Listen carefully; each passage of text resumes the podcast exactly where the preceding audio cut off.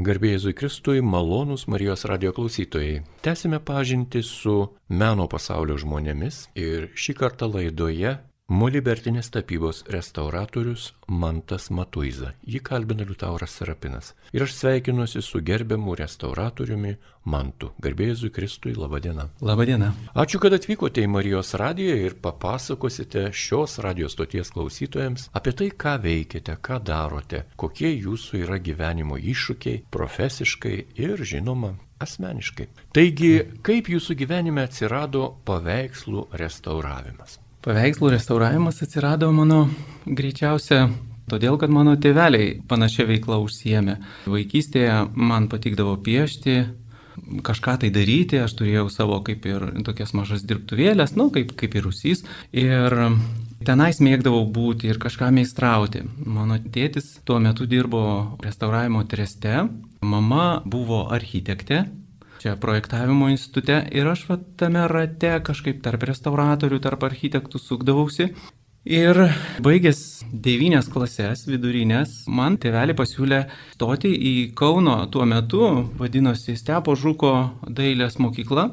Ir baigti kelias klases vidurinės ir kartu įgyti tokią kaip profesiją, kaip restauravimo molbertinės tapybos restauratoriaus. Mane suviliojo šitas pasiūlymas ir um, Aš pabandžiau įstoti ir iš karto tuo laiku įstojau.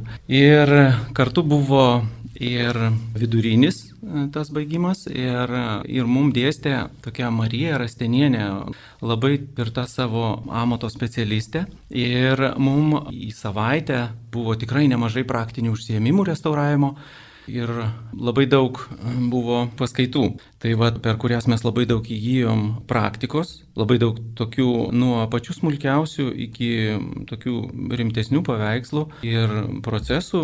Na, restauravimas, ypatingai tapybos, molibertinės tapybos, ką mes suprantame, galbūt radio klausytojams reikėtų labiau papasakoti, paaiškinti, kuo ta molibertinė tapyba, pavyzdžiui, skiriasi nuo sienų tapybos ar kokios kitos, at kas tai yra. Žinoma, tai yra labai specifinis darbas, ypatingai specifinis darbas. Jūs kaip ir nesate autoriai tų kūrinių, bet kai kuriais atvejais atkuriate iš labai mažų fragmentų tapybos darbą. Ir galima sakyti, jūs esate antrieji autoriai. Pasaulyje taip yra sakoma, kad visi pasaulio šedevrai buvo sukurti ne tų didžiųjų menininkų, bet jų parankinių, jų meistrų rankomis. Tai jūs atkuriate tuos darbus. O kas tai yra molibertinė tapyba? Molbertinė tapyba tai yra viskas, kas yra tapyta su aliejiniais dažais, paskiau šiuo metu dabar naujos technologijos, tai akriliniais dažais, ant drobės, ant medžio, Tai molibertinė tapyba tai, ką mes matome ant sienų pakabinta dažniausiai Taip. rėmuose arba berėmiuose dalykuose. Taip, tai čia yra kaip paveikslai. Va, paprastai tariant, tai, tai molibertinė tapyba tai yra paveikslai, kurie kabo ant sienos. Tęsėme laidą. Mėly radio klausytojai, šiandien su jumis bendrauja molibertinės tapybos restauratorius Mantas Matuiza ir jis kalba apie savo profesijos pašaukimą. Jau pasakojote, kas jūs patraukė prie šios tarnystės, mes taip galėtume pavadinti, nes tai yra iš tikrųjų iššūkis restauruoti kito dailininko arba kitų dailininkų kūrinius. Kuo paveikslų restauravimas yra įdomis rytis jums šiandieną? Su pirma, tai galimybė prisiliesti prie senosios dailės paveldo to, pamatyti iš arti, kaip buvo kūriamas darbas, kas buvo naudojama, kokie dažai, kokios technologijos buvo. Tikriausiai restauratoriai vadovaujasi kokią nors filosofiją arba kokią nors pasaulyje žiūrą. Pavyzdžiui, ką galima restauruoti, ko negalima restauruoti. Tai mūsų ta specialybė labai jau, kaip pasakyti, etikos kodeksas yra labai tvirtas, kurio mes turime labai laikytis ir, ir tiesiog nesugadinti to darbo. Jeigu reikėtų pasakyti, pavyzdžiui, kas šiuo metu Lietuvoje yra restauruojama, iš kur ateina tie užsakymai, užsakovai, arba iš kur ateina tas interesas restauruoti vienokį ar kitokį darbą. Ar tai yra labai vertingi nacionaliniai kažkokie tai dalykai, ar yra tiesiog, na, žmogus nori susiremontuoti, susitvarkyti kažkokį seną paveikslą. Kaip yra? Visokių yra atvejų ir, ir tie vadinami valstybės saugomi darbai ir privatus, ir kolekcionieriai nori susitvarkyti, bet daugiausia turbūt man tenka galimybė prisiliesti prie valstybės saugomų, tai yra, kur departamentas finansuoja, tai yra tikrai meno kūriniai neįliniai, tai yra bažnyčiose ir jie ir savo formatų užbūrintis ir šiaip religinė tematika tokia šiek tiek kitokia negu kolekcionierių.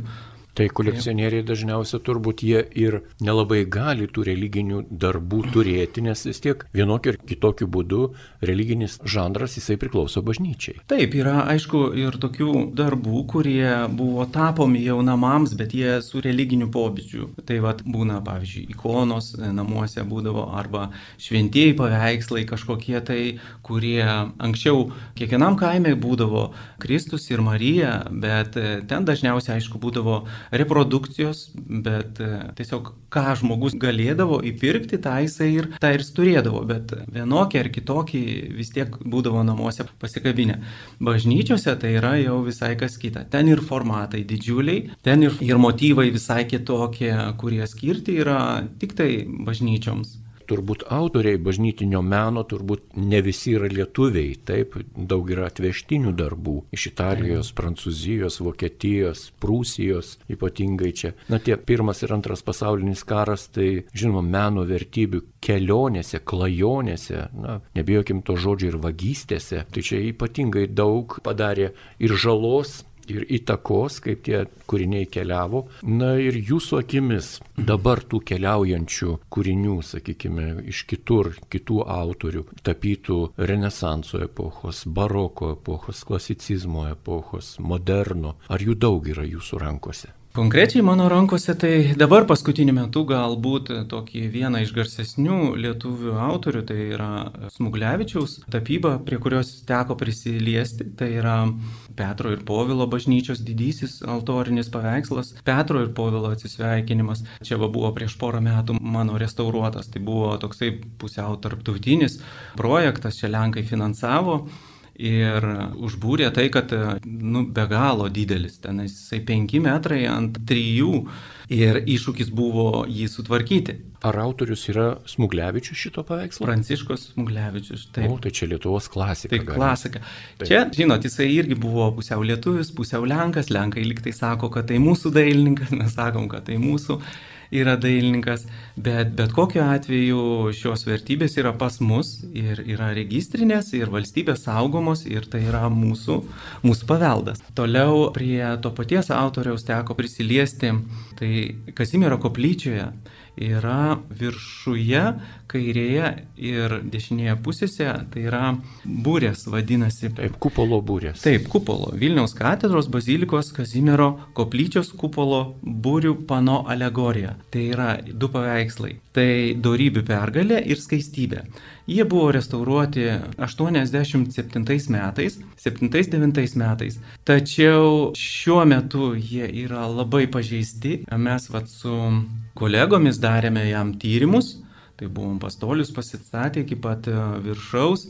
Ir viską tyrinėjom, nagrinėjom ir viskas dabar paruošta yra restauravimui. Tai aišku, tos tapybos pačios Muglevičiaus, tikrai ten nedidelė dalis jau lygė, nes yra restauruota labai nemažai kartų ir kiekvienas restauratorius vis, nu, kaip pasakyti, prideda savo, aišku, stengiasi kuo daugiau išsaugoti autentiškumo.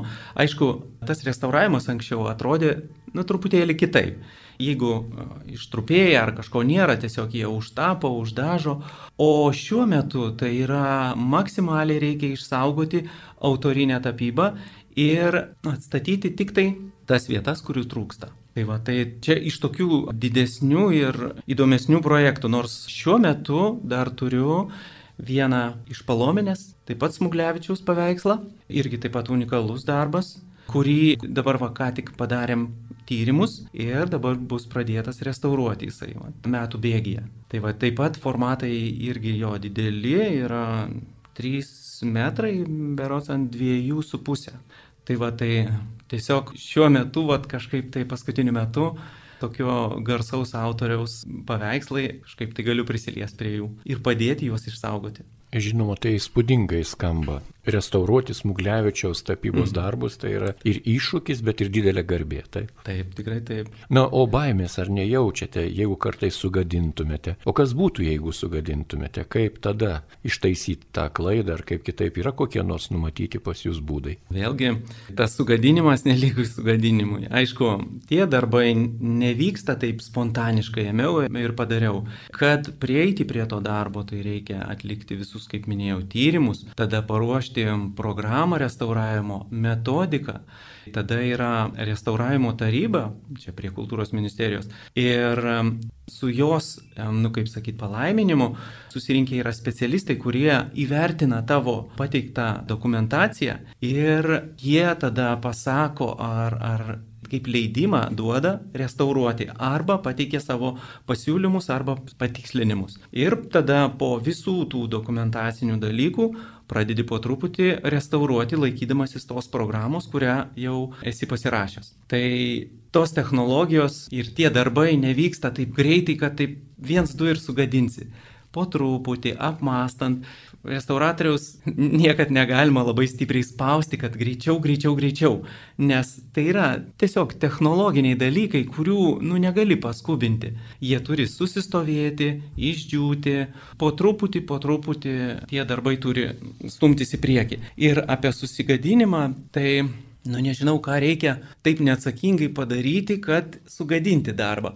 Papasakokite, kokius instrumentus naudoja dabartiniai šio laikiniai restauratoriai. Jeigu kalbame būtent apie molibertinę tapybą, gal jūs naudojate kokius nors 3D spausdintuvus, kur galima ten ir tekstūrą atspausdinti, ir spalvą parinkti, ir būtent tokią pat ir ką kitą. Ar viską darote rankomis? O jeigu rankomis, tai kokius prietaisus naudojate? Na, restauratoriaus prietaisai tai tiesiog rankos yra. Pagrindinės yra rankos.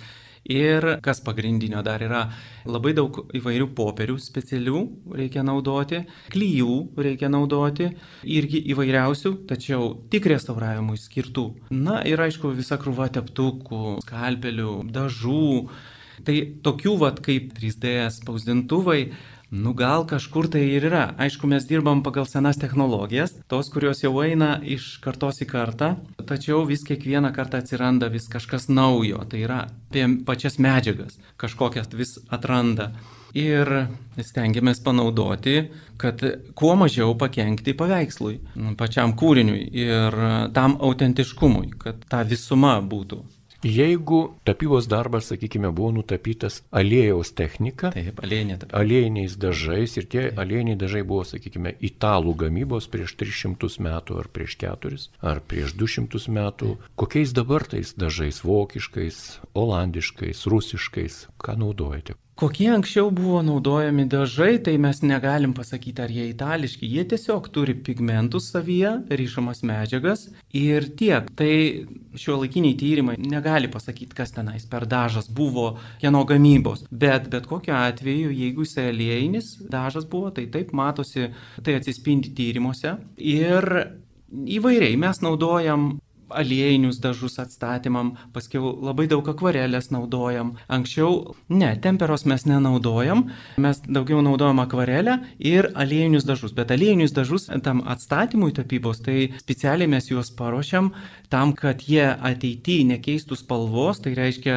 mes turime maksimaliai ištraukti iš jo aliejų, nes tamsėja ne pats dažas, o aliejus tamsėja. Tai vad mūsų užduotis yra palikti kuo daugiau pigmento, kurį paskiau maišai su tirpikliais ir tada retušuoji. Tai va, ir ateityje juos yra lengviau pašalinti, kada nėra aliejus su įvairiais tirpikliais. Bet e, šiaip muziejiniai darbai daugumoje yra retušuoti tai yra tapybos netektis atstatomos su akvareliniais dažais. Su jais galima padaryti visiškai, kad nesimatytų, e, tarkim, kur trūksta. Bet kiek laiko praeitų, tu galėtum juos kažkada tai pašalinti. Tai vad mūsų didžiausia turbūt užduotis naudoti tik tai tie dažai, kurie ir apskritai visos medžiagos turi būti naudojamos tokios, kurias kažkada tai galėtum pašalinti. Čia tokia viena iš svarbiausių taisyklių. Taip. Aišku, technologijos jos kažkiek keisis, nuolat jos yra augančios ir darosi vis daugiau galimybių žmogui ar į kosmosą skrendant, ar žemę nagrinėjant, ar meno kūrinį restauruojant. Galimybės keičiasi, bet žmogaus pačio galimybės jos visą laiką yra stabilios. Ir būtų įdomu sužinoti, o kokio charakterio turėtų būti restauratorius, kad jam būtų patogu dirbti, kad jis nejaustų diskomforto ar nejaustų jog yra ne savo rogėse, kaip liaudėje sako žmonės. Papasakokite apie savo kolegas ir save patį, kokio būdo bruožų turi būti restauratorius, kad jam sektųsi. Sunku tai pasakyti, aišku, kiekvienas žmogus skirtingas. Tačiau vienas dalykas, kas mūsų greičiausiai vienyje, tai kantrybė, nes restauravime be galo daug reikia kantrybės, nes darbai eina ne dienom, bet savaitėm ar net mėnesiais gali vienas ir tas pats procesas būti. Ir tam reikalui reikia turėti daug kantrybės, apsišarvuoti kantrybę. O mano kolegos lygiai taip pat kantriai atlieka savo darbą, Ar kantrybė ir tas kruopštumas atsispindi ir kitose jūsų gyvenimo srityse, pavyzdžiui, šeimoje, vaikai, namai, rūpestis, o gal jūs esate baisus pedantas namuose ir vaikai jūsų tiesiog bijo? Kaip yra? Na, iš tikrųjų yra toks dalykas, kad e, ir tas mano gyvenime irgi tas atsispindi. Aš tai taip vadovaujuos tą taisyklę, kad jeigu darai, tai daryk gerai. Bet nesu išprotėjęs tenais kažkoks tai toks pedantas visiškai. Bet tiesiog kartais net save pagaunu, kad aš darau jau per daug, turbūt per daug smulkiai, ko tikrai galbūt nereiktų daryti. Bet tiesiog, va, turbūt manyje yra, kad turėtų būti išbaigta viskas ir nepalikta ir, ir bet kaip nepadaryta. Tęsėme pokalbį ir pažinti šiandien laidoje su Molibertinės tapybos restauratoriumi Mantu Matuiza. Ir jis pasakoja apie savo profesiją. Klausimus jam užduoda Liutauras Serapinas. Norisi dargi jūsų paklausti. Ar jums teko kartu dirbti su kitais restauratoriais, restauruojant kokį vieną darbą, drobę, kokią didžiulę, didelės apimties? O gal jūs turite pameistrius, talkininkus, padėjėjus? Nuo gal 1993 metų aš dirbau Lietuvos dailės muziejuje, restauracinėse dirbtuvėse Prano Gudino. Ir aš maždaug prieš keturis metus galbūt tik išėjau. Tai pas mane muziejuje labai didelis stažas. Tai su kolegomis ištisai mes bendraudavom ir kartu darydavom ir darbus, tačiau čia gal kalba būdavo apie didesnius kažkokius darbus. O šiaip tai kiekvienas restauratorius turi savo darbą ir dirba prie jo. Bet vis tiek, kada dirbi kolektyvė, tai yra bent tokie, galima sakyti, kad bendri darbai, nes vien su kitu pasitarė, sprendžia Ir tai vad, taip juda darbai. Tačiau aš visada paraleliai turėjau savo dirbtuvės nuo Rods 96 metų aš įsteigiau savo nu, kaip personalinę įmonę, kurioje aš dirbu tenais. Tai vad po darbo būdavo, kad aš dirbdavau savo jau tokius privačius darbus. Tai žinoma, vad toksai, vad kaip minėjau prieš tai Petro ir Povilo bažnyčios paveikslas, kuris yra didžiulis ir kurį, nu, tiesiog neįmanoma būtų vienam viską padaryti. Tai, žinoma, prašai kolegų pagalbos, bendrai darom. Tai vad. Ką išgyvena restauratorius, kai tenka liestis teptuku ir skalperiu prie itin brangių ir ypatingai, na, tokių senovinių paveikslų, kurie yra mūsų istoriniai paveldo objektai net neturintys vertės. Ką jaučiate tuo metu? Žinoma, kad didelė atsakomybė, nes nuo to priklauso, į kieno rankas papuola, nuo to ir priklauso jo būklė. Ir tarkim, pasiemęs paveikslą pradėti restauruoti, tu matai, kiek jisai yra jau išgyvenęs tas paveikslas, tų pačių restauratorių prisilietimų ir ne visi jie buvo aukščiausios kvalifikacijos būdavo kaimo ypatingai paveikslai, tai jie tiesiog tų specialistų gal ten nebūdavo, tai to kaimo, tarkim, kažkoks tai vat, ar, ar menininkas, ar kažkas padarydavo, patvarkydavo, tai yra užtapydavo kažką. Ir tavo yra užduotis visą tą ilgą procesą, tuos visus užtapimus ir tas visas restauravimo bagažą, tą visą nekokybišką, pašalinti maksimaliai saugiai ir palikti atverti tik tai autorinę tapybą. Koks yra jums sunkiausias darbas restauruojant, kuri vieta yra pati sudėtingiausia jums? Šie procesai visi yra nuo pat pirmo prisilietimo iki paskutinio yra labai svarbus. Nes jeigu tu pradžioj kažką netai padarysi, tas tęsis iki pat galo.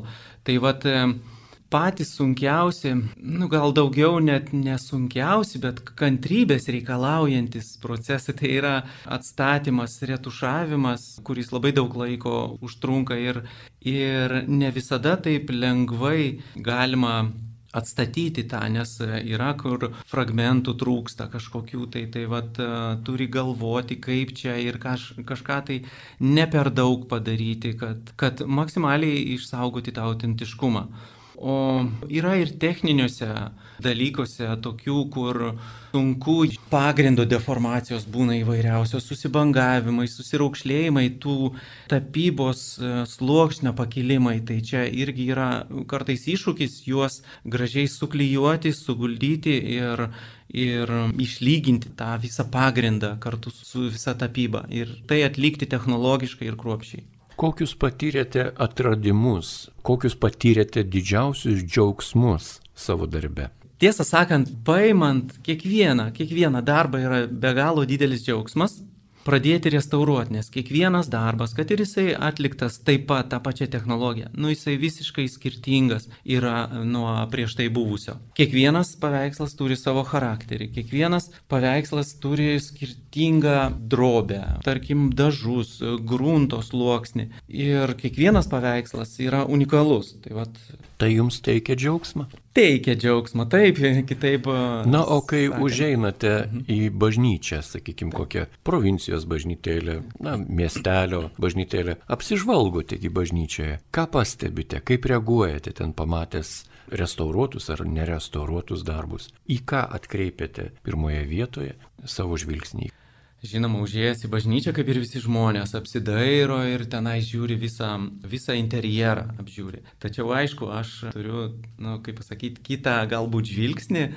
Tai iš karto žiūriu į paveikslų ir apskritai, nebūtinai tų paveikslų, apskritai apie altoriaus, e, dekoracijas ir visa kita, jų fizinę būklę, jo deformacijas, kaip aš, e, tarkim, tas deformacijas ištiesinčiau, arba, arba pavyzdžiui, va, matau, kad tas paveikslas dar su tom deformacijom gali dar ilgą laiką kabėti, o kai kurios deformacijos yra, nu, būtina tiesiog jas sustabdyti tą tolimesnį įrimą. Tačiau ne visada išeina ir finansai, ir visa kita, nu, ne visada išeina iš karto sustabdyti tą laiko tiekmę paveikslę. Laiko tiekmę, taip.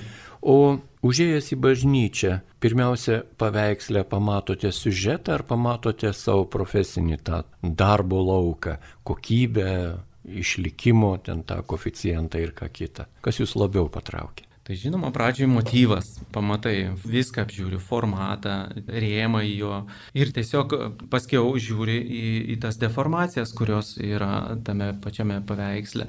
Paminėjote rėmus. Molibertiniai tapybai rėmai, na, yra kaip ir priderantis toks papildomas daiktas, meno kūrinys taip pat. Kuo senesni rėmai, tuo juose daugiau yra to meno ir atlikimo, ir precizikos, ir tradicijos, ir ko kito rėmai ir paveikslas, kaip jie saveikauja, ar jie kartais turi ryšį, o gal kartais neturi ryšį. Ar teko jums matyti, pavyzdžiui, visiškai netinkančių rėmų ant konkretaus paveikslo? Žinoma, tai yra rėmai, yra tiesiog paveikslo išbaigimas. Ir jeigu jie yra autentas, autentiški, tai reiškia, kad e, dailininkas, kuris tapė tą paveikslą, jisai pats ir juos pritaikė ir, ir kartais jie būna tiesiog nepritaikyti, bet tam paveikslui daryti. Ir tiesiog yra su rėmais paveikslas įgauna didybės, prabangos tokios. Tai čia tai labai svarbus dalykas. Aišku, altoriniai paveikslai, jie kartais būna įdėti į altorių ir, ir altorius yra kaip rėmas jo. Tačiau dauguma yra paveikslų su, su autentiškais rėmais. Aišku, kai pas mus karo metais, tai ir tie paveikslai ir migruodavo iš vieno altoriaus į kitą. Ne visada jie į kitą altorių per, pereidavo kartu su tuo autoriniu uh, rėmu. Tai yra, matosi akivaizdžiai, kad tarkim jisai pritaikytas. Ir mažesnių paveikslų, tai būna tiesiog uh, kad tie rėmai kažkada tai jie sunyko ir juos tiesiog išmetė iš, išmesti. Tai va, ir, ir kartais būna, kad aprėmina tiesiog va, tokiais pagaliukais, kažkokiais apsauginiais. O jeigu dar paklausčiau apie porėmius, nes porėmis be galo svarbus, jisai mhm. laiko drobę, ją įtempia ir taip toliau. Kas tvarko šiuo metu porėmius ir ar jūs patys tai darote, ar juos užsakote jau kitos restauracijos gildijos nariams? Tai Porėmis tai yra paveikslo sudėtinė dalis. Tai dažniausiai tie seni paveikslai turėdavo irgi taip pat autorinius porėmius. Bet ne visi jie yra, kaip pasakyti, tinkantis tolimesniam naudojimui. Maksimaliai, jeigu išeina, tai tu turi atrestauruoti ir patį porėmį. Jeigu ten sulūžęs ar kažkur tai kažkokių detalių trūksta, taip, tai, tai turi tu juos atstatyti. Ir Kas su porėmiais, tai čia daugiau medžio specialistai daro tą. Tai tarkim, nuėmęs paveikslą nuo porėmio, jį dezinfekavęs ir aptvarkęs, kartais atiduodavau, nu priklausomai vėlgi nuo darbų, nuo ką reikia, atiduodu medžio specialistui, kuris atliktų tą darbą profesionaliai. Taip pat ir su rėmais. Rėmai būna įvairiausi, trupantis auksavimas, sulūžę. Vėlgi atiduodi medžio specialistui, o toliau atiduodi auksuotojui. Nes mes kaip restauratoriai esam pasiskirstę į tokius, um, kaip pasakyti, vienas molbertinės tapybos restauratorius, kitas medžio restauratorius, kitas auksuotės restauratorius, polichromijos. Ir mes tarpusavėje labai bendradarbiaujam. Kartais mes matome bažnyčioje ir tapybos darbus, nebūtinai ant drobės, bet ir ant drobės arba ant medžio, atliktus papuoštus įvairiausiomis skardelėmis, auksų, sidabru, apkaltos. Tie apkaltai arba kaustai, kaip tie apkaustai veikia paveikslą, ar labai kenkia, ką randate po jais kartais? Gal čia ne apkaustai daugiau, galbūt aptaisai. Taip, tai labai daug bažnytinių paveikslų yra, ypač altorinių paveikslų yra su, su tais aptaisais. Tai jie dažniausiai būdavo žalvariniai, pasidabruoti, paauksuoti, tačiau būdavo ir iš grino sidabro padarytų. Ir dažniausiai, jeigu aptaisas yra didžiulis arba aptaiso dalis kažkokios, tai dažniausiai būna paveikslas ant drobės ir užtemtas ant medinio plokštės. Ir tada, kad jie laikytųsi, tiesiog būdavo prie tos plokštės prikalami tie aptaisai vinutėmis mažomis. Ir tai nėra gerai, nes po restauracijos mes iškai kitaip padarom. Tai tarkim, tie aptaisai, kurie prikalti, tai prie lentos lenta e, laikui bėgant jinai juda savo, aptaisai nejudantis, drobė šilta, šalta, jinai juda savo, dažai ir nuo to, tokio vat, prikalto, prispausto tiesiog paveikslo prie, prie tos lentos, atsiranda labai didelės deformacijos. Tai yra tie aptaisai įsirėžia tiesiog į tapybą, kartais netgi iki drobės, netgi kai kuriuose vietose, aišku, rečiau būdavo, bet tiesiog kalant juos prakerta iki medžio to skydo. Tai vad tai didelė atsakomybė yra juos atsargiai nuimti. Vėlgi e, aptaisus ir metalo restauratorius, kuris, e, kuris tą metalą visą sutvarko ir po to restauravimo, tarkim, tapybos restauravimo ir aptaisų, tai mes dedam ant atskiros plokštės, tai yra faneros plokštės specialiai paruoštos, prikalami tie aptaisai, ir tada per e, saugų atstumą yra pridedami prie, prie pačios tapybos. Taip apsaugant tapybos sluoksnį nuo įvairiausių tų deformacijų, kur sukelia metalas, tai yra oksidai, fizinis tas prisilietimas, subraižymai visokie. Ką pasakytumėte apie dabartinį šio laikinį meną bažnyčioje? Na, turbūt ir tokių tenka dirbinių restauruoti. Paskutiniu metu tai, tai neteko. Iš tikrųjų, netgi, tiesą sakant, nelabai daug ir esu matęs tų šio laikinių tų tapybos bažnyčiose. Tai vad man sunku būtų pasakyti. Aišku, privačioj praktikoje tai žinoma, aš šio laikinę tą dailę esu ne vieną daręs, restauravęs. Taip, ją šiek tiek skirtingai restauruoju negu senąją tapybą, tačiau, tačiau vis tiek pagrindiniai procesai yra tie patys. Tai va, tai sunku man pasakyti apie, apie šio laikinę religinę tą dailę. Kaip dabar žmonės žiūri į senovinius tapybos darbus, į daiktus, mm. kurie atkeliauja ir mus pasiekia iš gilios senovės? Na, aš manau vis tiek iš gilios senovės, kai dar, dar pagalvoji, kiek tam paveikslui arba kažkokiam meno kūriniui metų, tai aš manau tiesiog, kad jisai išlikęs iki šių laikų, tai jauti didelę pagarbą ir, ir žmonės, man atrodo, kad vertina. Ir nemažai žmonių mėgsta pasistatyti, tarkim, kažkokį tai seną komodą, seną kokį nors kažkokį daiktą, kuris priduoda interjerų jaukumo. Aš taip manau. Žmonės įsigyja kartais blusturgiją kokį nors kūrinį ir bando net patys parestauruoti. Ką patartumėte tokiems entuziastams, kurie bando patys restauruoti? Ko reikėtų ypatingai vengti ir į ką reikėtų ypatingai atsargiai žiūrėti? Tai bet kokiu atveju šios darbus turi atlikti tik tai sertifikuoti specialistai. Mes ilgą laiką įgyjam, per ilgą laiką įgyjam tas specialybės ir, ir tai ne visus darbus galim daryti. Va, tarkim, yra kategorijos kažkokios, trečia, antra, pirma, aukščiausia.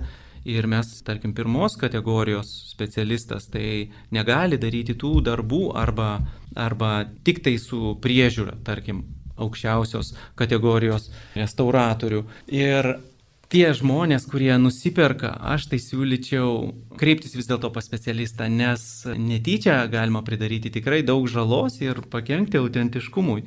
Tai žinoma, jeigu tai yra stalas kažkoks, tai kad vis dėlto tuos darbus atliktų nu, specialistas ir tikrai būtų užtikrinta ta ir kokybė, ir to autentiškumo išlaikymas. Galbūt ateis laikas, man tai, kai restauratoriai nebeturės darbo. Ar įmanoma taip, kad restauratoriai kada nors ateityje nebeturės darbo? Nu, aš abejoju, todėl kad on, tas e, tiesiog labai nemažai yra tų visokių paveldo kūrinių, kurie, kurie dar reikalauja restauravimo. Ir kad nebus taip, tai tikrai sunku, sunku prognozuoti. Tačiau jeigu ir neliktų darbo, jau visi visi būtų atrestauruoti, tai yra restauracinė priežiūra, kurią po restauravimo tu turi prižiūrėti tą darbą ir kars nuo karto, tarkim, stebėti, kaip jisai laikosi, nes paveikslas iš savęs jau yra labai jautrus ir taip pat po restauravimo yra jisai be galo jautrus. Tai Tai manau, kad e, to darbo visada turėtų, turėtų užtekti. Ar galėtumėte įvardinti vieną ar kelis darbus, kurie jūsų kaip restauratoriaus gyvenime buvo lemiantis, patys įdomiausi, patys smagiausi darbai, kurių neužmiršite visą gyvenimą? Na, iš tikrųjų, aš irgi ši, apie šitą galvojau ir labai daug iš tikro darbų atsimenu. Nuo netgi 93 metų, kai pradėjau dirbti, tai vienas kitas darbas, kuris, nu tikrai, pas, toksai išskirtinis, praktiškai praktiškai į metus ar du pasitaiko vienas tikrai toksai įsimintinas darbas. Čia aš galėčiau visą sąrašą pateikti, tarkim, kur aš esu restauravęs darbų ir kokių. Tai va, jeigu tokie patys, patys, patys jau įsimintiniausi, kuriuos atsimenu, kaip ir dariau, ir tai vis dėlto bažnytiniai yra darbai. Aišku, tie tų privačių irgi taip pat, bet bažnytiniai. Tai kur esu daręs, tai Dominikonų bažnyčioje, Senuose trakuose, Dauguose, Alytaus bažnyčioje, Liškėvos stacijos, Lukiškių bažnyčios, tos cerkvės gal tai vadinama, tai, tai tas, kur ant fasado apvalus toks Kristus pantokratorius, labai sudėtingas buvo ir skirtinio dėmesio jam reikėjo, nes jisai visiškai netradiciškai nutapytas. Tada Valkininkai, Rokiškis, Onuškis ir paskutiniai turbūt buvo, tai čia yra 15 metais, tai Pivašiūnų paveikslas, jau tas jau pats jau toksai įsimintinas. Tada Petro ir Povilo bažnyčios Šiluvoje sudaręs e, ne vieną paveikslą, va dabar šiuo metu, tai 2021 metais kaip tik pabaigiau vieną nukryžiuotasis, jisai yra tapytas ant lentos, kontūrinis paveikslas, dabar jisai Šiluvos muziejuje stovi. Nemenčiniai nemažai esu paveikslų padaręs tame tarpe ir altorinių. Šaukoto bažnyčios irgi taip pat alto, altorius pagrindinis ir du altorėliai, tai Marijos ir Švento Roko. Paskiau katedroje, vat, jeigu, jeigu pavyktų, tai vat, tas būrės restauruoti, tačiau su, su jais tenais ypatingai, ypatingai sudėtingai turėtų būti, nes jie yra po šešis po 6,5 kvadrato, lenkti ir taip toliau. Labai daug, labai galvot reikės, kaip juos išsaugoti, ką jiem geriausia padaryti ir ar tikrai jie grįš į tą pačią vietą, norint išsaugoti tuos unikalius kūrinius, kurių ir taip jau nu, nedaug autentiškumo yra likę. Na ir laidos pabaigai, atsisveikinimui. Ar turite kokią svajonę, norą, darbą, kurį norėtumėte restauruoti, bet jis, sakykime, yra dar toli, gal kitoj valstybei, gal kur nors visai kitur? Nežinau, aš taip negalvojau, kurį konkrečiai, nes e, jeigu kuo garsesnis darbas, tuo didesnė atsakomybė, tuo didesnis jaudulys yra. Na, gal aš, gal taip svajoju daugiau apie apie kažkokį tai stažuotės gal kažkur tai.